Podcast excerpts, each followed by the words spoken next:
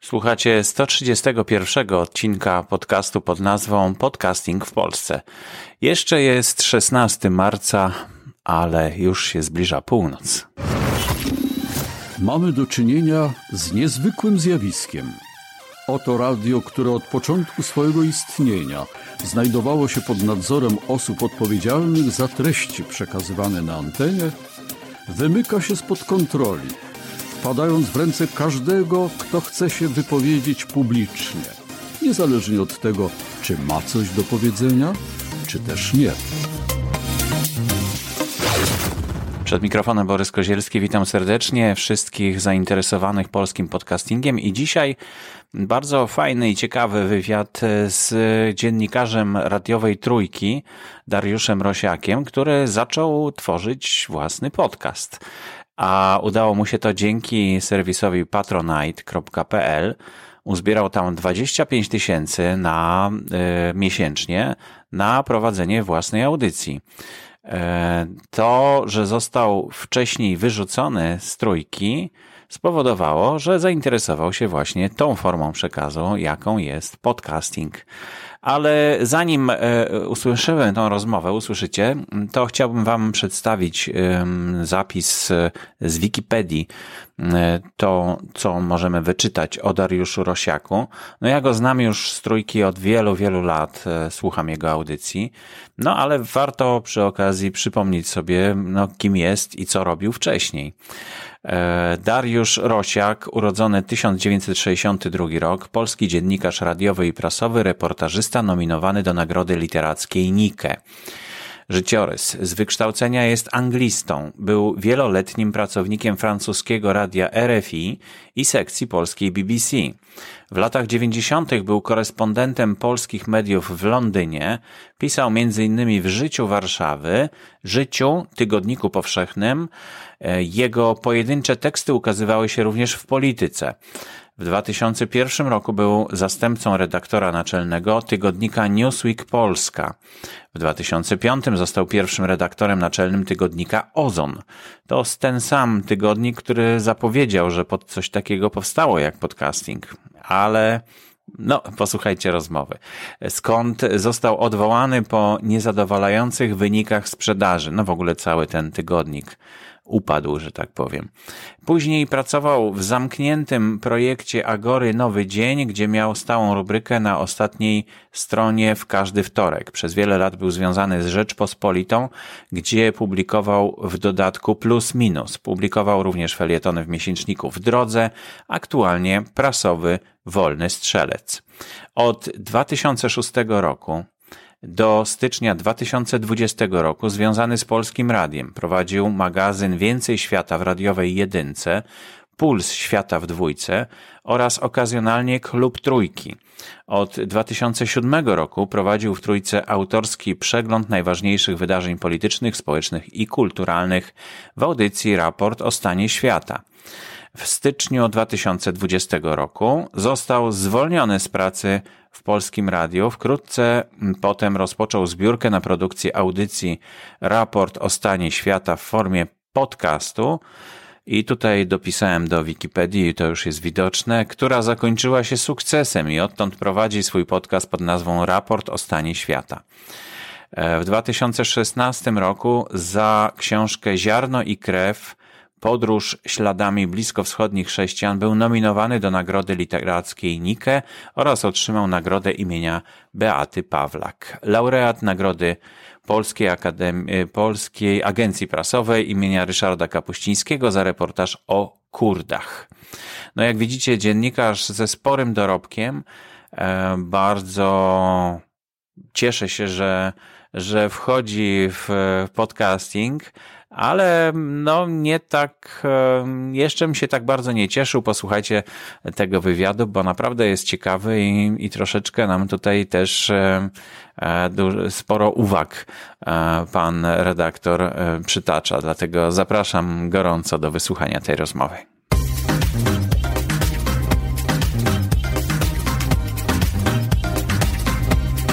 Do mikrofonu, tym razem przez Skype'a, udało mi się zaprosić pana Dariusza Rosiaka, który ostatnio robi małą rewolucję w programach radiowych, które przechodzą do podcastów. Dzień dobry, panie Dariuszu. Dzień dobry. Proszę mi powiedzieć, skąd taki pomysł, żeby przejść do podcastu? Trochę wiem, ale ja bym chciał to usłyszeć od pana. No to jest taki na, naturalny sposób nadawania. To znaczy, mam pewien, mam pewien program, który, z którym chciałbym, żeby w dalszym ciągu funkcjonował, w dalszym ciągu był. Okazało się, że jest wystarczająca grupa ludzi, dla których ten program jest ważny i jest kanał, którym ten program można dystrybuować. To się wszystko złożyło i, i mamy w ten sposób raport o stanie świata w, jako podcast. No tak, ale to się samo nie złożyło właśnie i dlatego mam o, o to pytania, e, bo przede wszystkim gratuluję e, panu e, no, znakomitej akcji na patronite.pl. Zdobył pan wszystkie progi, które pan, wszystkie cele, które pan założył, osiągnął pan już właściwie. Także trzeba chyba no, nowe cele wyznaczyć już. Audycja z tego wniosek będzie funkcjonować, bo rozwiązał pan współpracę z Trójką. I w tej chwili ta audycja zaczyna istnieć jako zupełnie niezależna audycja, tak? Tak to rozumiem. No, tak, tak, tak. To jest audycja kompletnie yy, kompletnie niezależna od nikogo, jeśli chodzi o, o sprawy redakcyjne. Natomiast od, jeśli chodzi o sprawy finansowe, no to jest zależna od już ponad tysiąca patronów, producentów e, raportu, którzy wpłacają pieniądze po to, żeby on istniał. Mhm. Z jedną tylko drobną poprawką, to nie ja rozwiązałem umowę z trójką, tylko trójka nie przedłużyła mnie umowy, czyli realnie rzecz biorąc rozwiązała umowę ze mną. Mhm.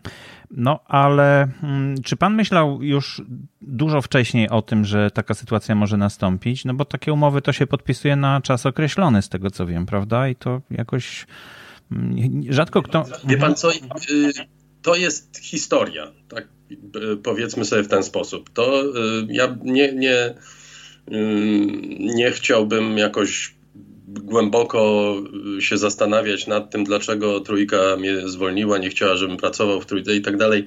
Tym bardziej, że ja nie wiem, dlaczego się nie mam, nie mam odpowiedzi na te pytania, które byłyby wiarygodne. Mogę się różnych rzeczy domyślać, ale nie ma sensu dywagować na ten temat. To jest y, czas przeszły, teraz i przyszłość to jest, jakby poza trójką. No, ja rozumiem. Oczywiście nie, nie o to mm, chcę pytać, tylko chciałem zapytać, czy mm, w związku z tym, że mm, no, przewidywał Pan możliwe, że taką sytuację, że, że nie będzie Pan miał dalej y, pracy w w, w radiu, powiedzmy, to, to dlatego zaczął Pan myśleć o tym, jak, jak, jaka może być przyszłość. Czy Pan o tym myślał, czy dopiero zaskoczyło to Pana w momencie, kiedy taka sytuacja się mm, pojawiła? To znaczy, no, sytuacja była zaskoczeniem, oczywiście. No, miałem, miałem nadzieję, że się tak nie skończy, ale się skończyło. Musiałem się znaleźć w tych okolicznościach, jakie powstały. Mhm. Y, przez jakiś czas szukałem e, miejsca dla raportu, które, które byłoby powiedzmy osadzone w jakiejś instytucji medialnej. To się okazało niemożliwe i e, pozostała mi, powiedziałbym, no taka dosyć ryzykowna albo e, nieznana może bardziej niż ryzykowna przygoda, bo ja nie wiedziałem jak to się skończy, nie wiedziałem jak się powiedzie, czy się w ogóle powiedzie zbiórka na Patronite. Okazało się, że się powiodła i dlatego ta audycja może funkcjonować w takiej formie, w jakiej jest w tej chwili. Mam nadzieję, że będzie w jeszcze lepszej. Ja sobie, to jest dla mnie ważne, że przyjąłem sobie założenie, że ta audycja będzie tylko wtedy, jeśli będę miał wystarczające środki, żeby utrzymać jej poziom na takim, utrzymać ją na takim poziomie, na jakim była w radiu. Ja y, uważam, że tylko wtedy ona ma sens. Nie będę robił tej audycji z, z, z komputera, nie będę robił tej audycji z kuchni, nie będę. Y, znaczy, muszę, muszę stworzyć albo taką samą, albo jeszcze lepszą, najlepiej jeszcze lepszą wartość niż miała, miał raport o stanie świata w trójce. No tak mi się wydaje. Podcasting otwiera większe możliwości niż radio, ale to, to w naszych opiniach podcasterskich, powiedzmy, tak to wygląda. Myślę, że pan szybko się przekona do tego, że, że rzeczywiście jest więcej możliwości. Czyli rozumiem, że w momencie, kiedy mm, jak gdyby chciał Pan dalej tworzyć audycję, a nie było już możliwości starą drogą, dopiero wtedy zastanawiał się Pan, co z tym zrobić. A skąd się pojawił pomysł na podcast? Czemu to nie było na przykład wideo? Nie wiem, czy. Bo... To jest audycja radiowa. Wie mhm. pan, to jest realnie rzecz biorąc, to co robię w tej chwili, to jest dokładnie to samo, co robiłem w radiu. Mhm. No to rozumiem. Jest, y, tylko, tylko jest, te audycje są dłuższe.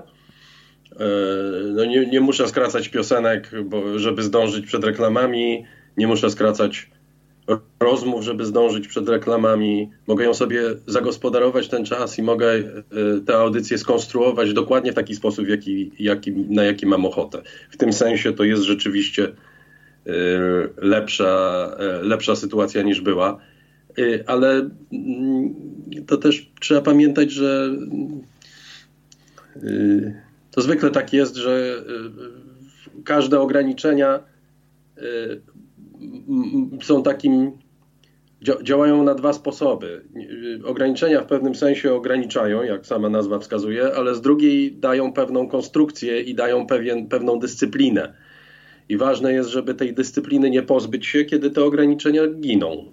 Więc yy, należy pamiętać o tym, żeby no, audycja musi być zwarta, no, musi, być, musi mieć swój charakter i musi mieć swoją konstrukcję. Tak jak miała 50-minutowa, tak samo musi mieć, nie wiem, godzinna czy godzinę 20 trwająca. Mhm. Czyli rozumiem, że jak gdyby zamienił pan tylko studia w tej chwili, tak? Bo w innym studiu pan nagrywa audycję. Realnie rzecz biorąc, realnie rzecz biorąc, to to trochę na tym polega, tak. Y, natomiast y, pewnie techniczną obsługą y, umieszczania podcastu i przygotowania go zajmują się też tak jak w radiu inni ludzie, tak? To znaczy ludzie, tak, którzy, tak. którzy od tak, strony technicznej się tym.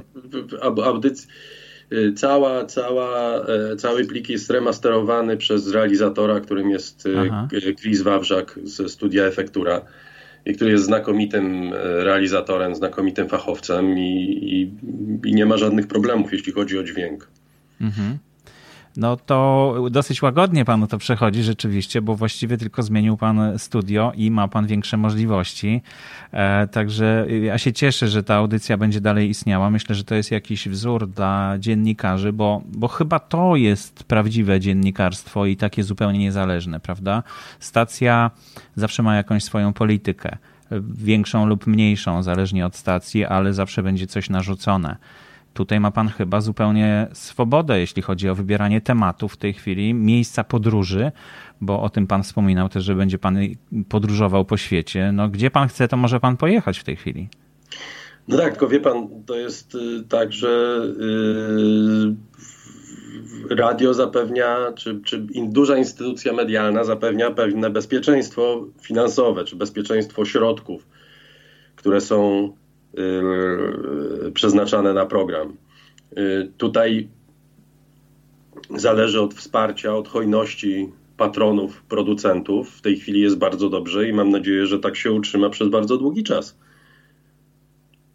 Mhm.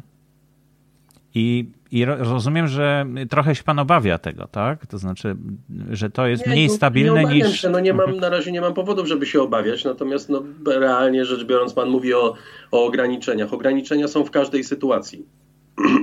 nie ma y, sytuacji, w której nie jesteśmy ograniczeni. Y, media y, w Polsce funkcjonują tak, jak funkcjonują, ze względu na to, że dziennikarze są pod presją z dwóch powodów. Jeden to jest presja polityczna, yy, która moim zdaniem trwała od zawsze, jeśli chodzi o media publiczne. Oczywiście w tej chwili przybiera, przybrała ona yy, dramatyczne rozmiary i, i, i, i to, co się dzieje w tej chwili w mediach, takiej skali ingerencji politycznej nie było nigdy.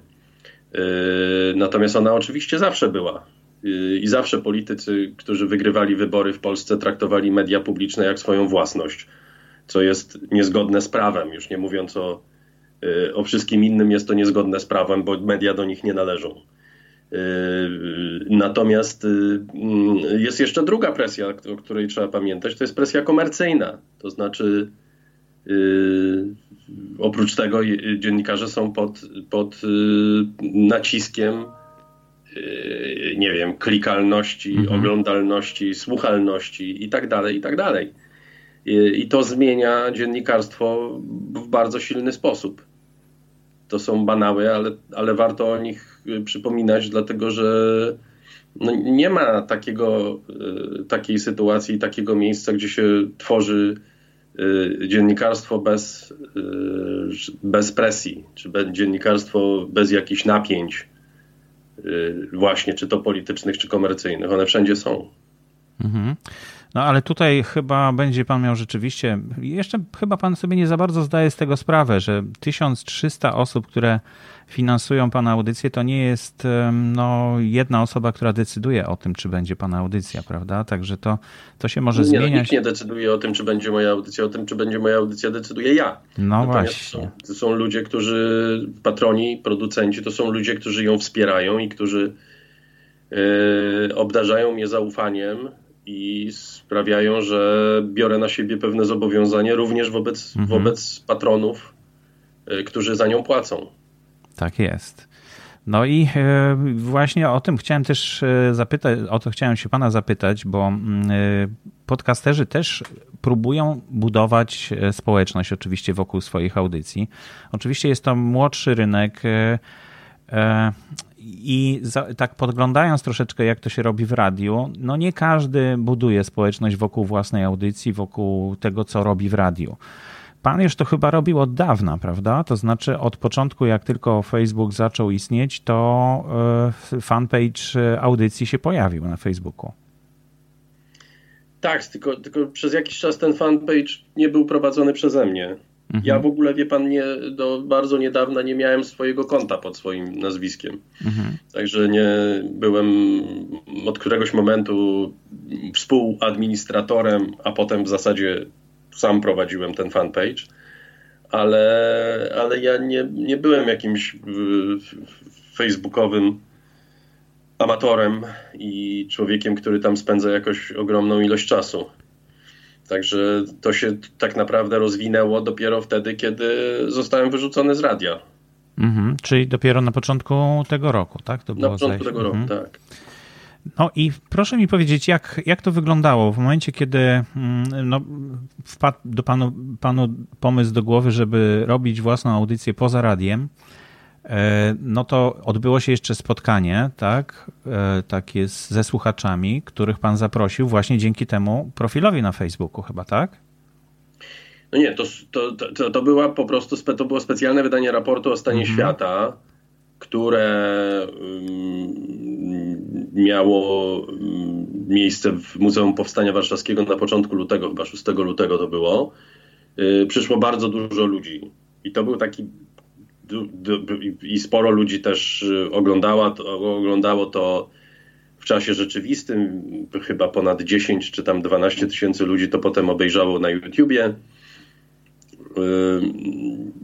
I to było taki bardzo wyraźny sygnał, że jest spore zainteresowanie i spore zapotrzebowanie na ten program. Mhm. I, I rozważając, ja byłem wtedy w trakcie rozmów z różnymi mediami y, na temat tego, czy, czy ktokolwiek byłby zainteresowany przejęciem raportu o stanie świata. Y, moim w zasadzie jedynym warunkiem, no poza tym, że warunkiem było to, że przy tej okazji dobrze by było, żebym mógł się utrzymać przy życiu, ale y, poza tym to był warunek taki, że ta audycja ma nie być zmieniana. To znaczy ona ma być taka, jaka była w radiu. Ewentualnie możemy mówić o pewnych modyfikacjach, ale nie nieznaczących y, dla jej treści, a zwłaszcza do doboru tematów czy gości. I yy, jakoś to, to, słabo szło, więc yy, postanowiłem rozpocząć zbiórkę na Patronite. Mhm. Ale ci ludzie no, nie dowiedzieli się przecież z pana audycji, że, że to spotkanie jest, bo chyba takiej możliwości pan nie miał, żeby w radiu... Nie, to było robione wspólnie z Instytutem Wolności i Instytut Wolności promował to oraz ja promowałem na swoim, na tym koncie y, raportu o stanie świata. I okazało się, że, że to zagrało. Mhm. No tak, no gratuluję jeszcze raz w takim razie. Bardzo dziękuję, że podzielił się Pan z nami tym, tą, tą historią. Ja tylko chciałem przypomnieć, że z podcastem spotkał się Pan już dosyć dawno temu chyba, prawda? Kiedy Pan pierwszy raz usłyszał słowo podcast? Nie wiem. Nie, nie pamiętam. Wie Pan, nie... Yy, ja przyznam szczerze, że ja nie jestem yy, specjalnym ani znawcą podcastów, mhm. ani amatorem podcastów. Mhm. Yy, mnie się wydaje, nie, nie chcę brzmieć jakoś, wie pan, w sposób taki, który będzie niemiły albo pouczający ludzi. Natomiast w tej polskiej przestrzeni podcastowej jest bardzo wiele średnich podcastów, tak bym to ujął najdelikatniej. To mhm. znaczy mm, osób, które niewiele mają do powiedzenia i, i nie bardzo umieją mówić. Y, y, natomiast no, mają potrzebę mówienia. Ale mhm. to, tak jest ze wszystkimi mediami społecznościowymi i tutaj podcasty nie są niczym innym. Natomiast jest cała oczywiście cały rodzaj podcastów, który rozwija się w różnych miejscach na świecie, zwłaszcza w tym świecie anglosaskim, który ja obserwuję. Takie jak podcasty, które, są, które mieszczą się w, tej, w, tej, w tym strumieniu storytelling, które są y, no, po prostu dziełami sztuki, mhm. które gdzieś mieszczą się na, na poziomie sztuki reportersko radiowo-dokumentacyjnej, to są wszystko rzeczy znakomicie napisane. To jest podstawa. Znakomicie napisane.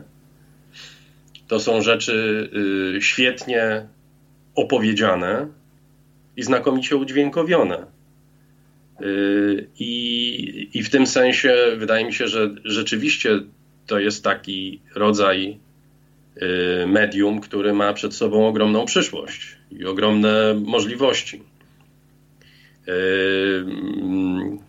Ja, ja wie pan, ja nie, nie, nie bardzo znam zasady, mhm. jak się robi podcast i czym on tak naprawdę jest. Ja robię swoj, swoją rzecz y, i okazuje się, że jest zapotrzebowanie na nią. I to, to, mi, to mnie bardzo cieszy.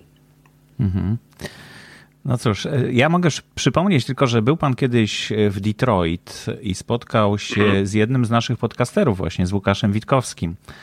A e, tak, oczywiście. I to... Bardzo świetny człowiek i świetne spotkanie. No właśnie. I tak myślałem, że pan trochę bardziej jak gdyby wszedł w temat podcastów, ale z, z tego co słyszę, to e, on bardziej, to znaczy to zapotrzebowanie zrodziło się z, z pana potrzeby jak gdyby dalszego funkcjonowania.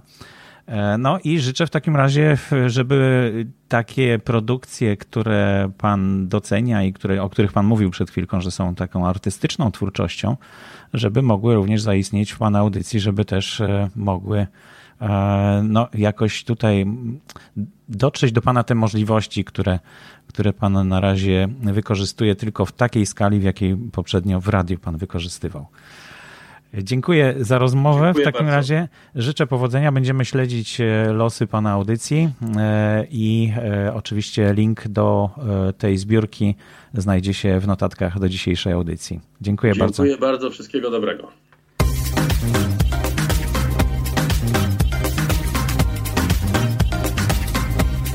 I to już wszystko w dzisiejszej audycji. Dziękuję bardzo za uwagę. Ja nazywam się Borys Kozielski.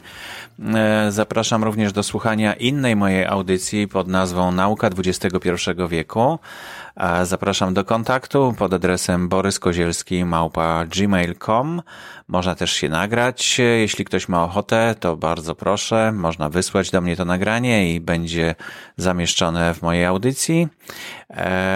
Również e, zapraszam na spotkania, które no, w tej chwili będą wstrzymane. Już odwołaliśmy spotkanie w Trójmieście, Trójkaster. No, prawdopodobnie nie dojdzie do skutku w 19 marca również spotkanie Wawa Caster w Warszawie. No, sami rozumiecie, ja też nie lubię nagrywać na odległość, ale mimo, że pan Dariusz Rosiak mieszka w Warszawie, ja też mieszkam w Warszawie, bardzo chętnie chciałem do niego podjechać. No niestety to nie było możliwe, nagrywaliśmy dlatego przez Skype'a.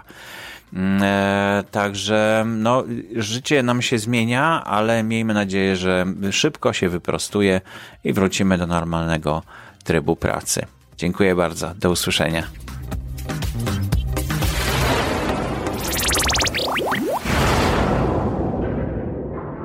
Audycję sponsoruje Fundacja Otwórz się, która wspiera rozwój podcastingu w Polsce.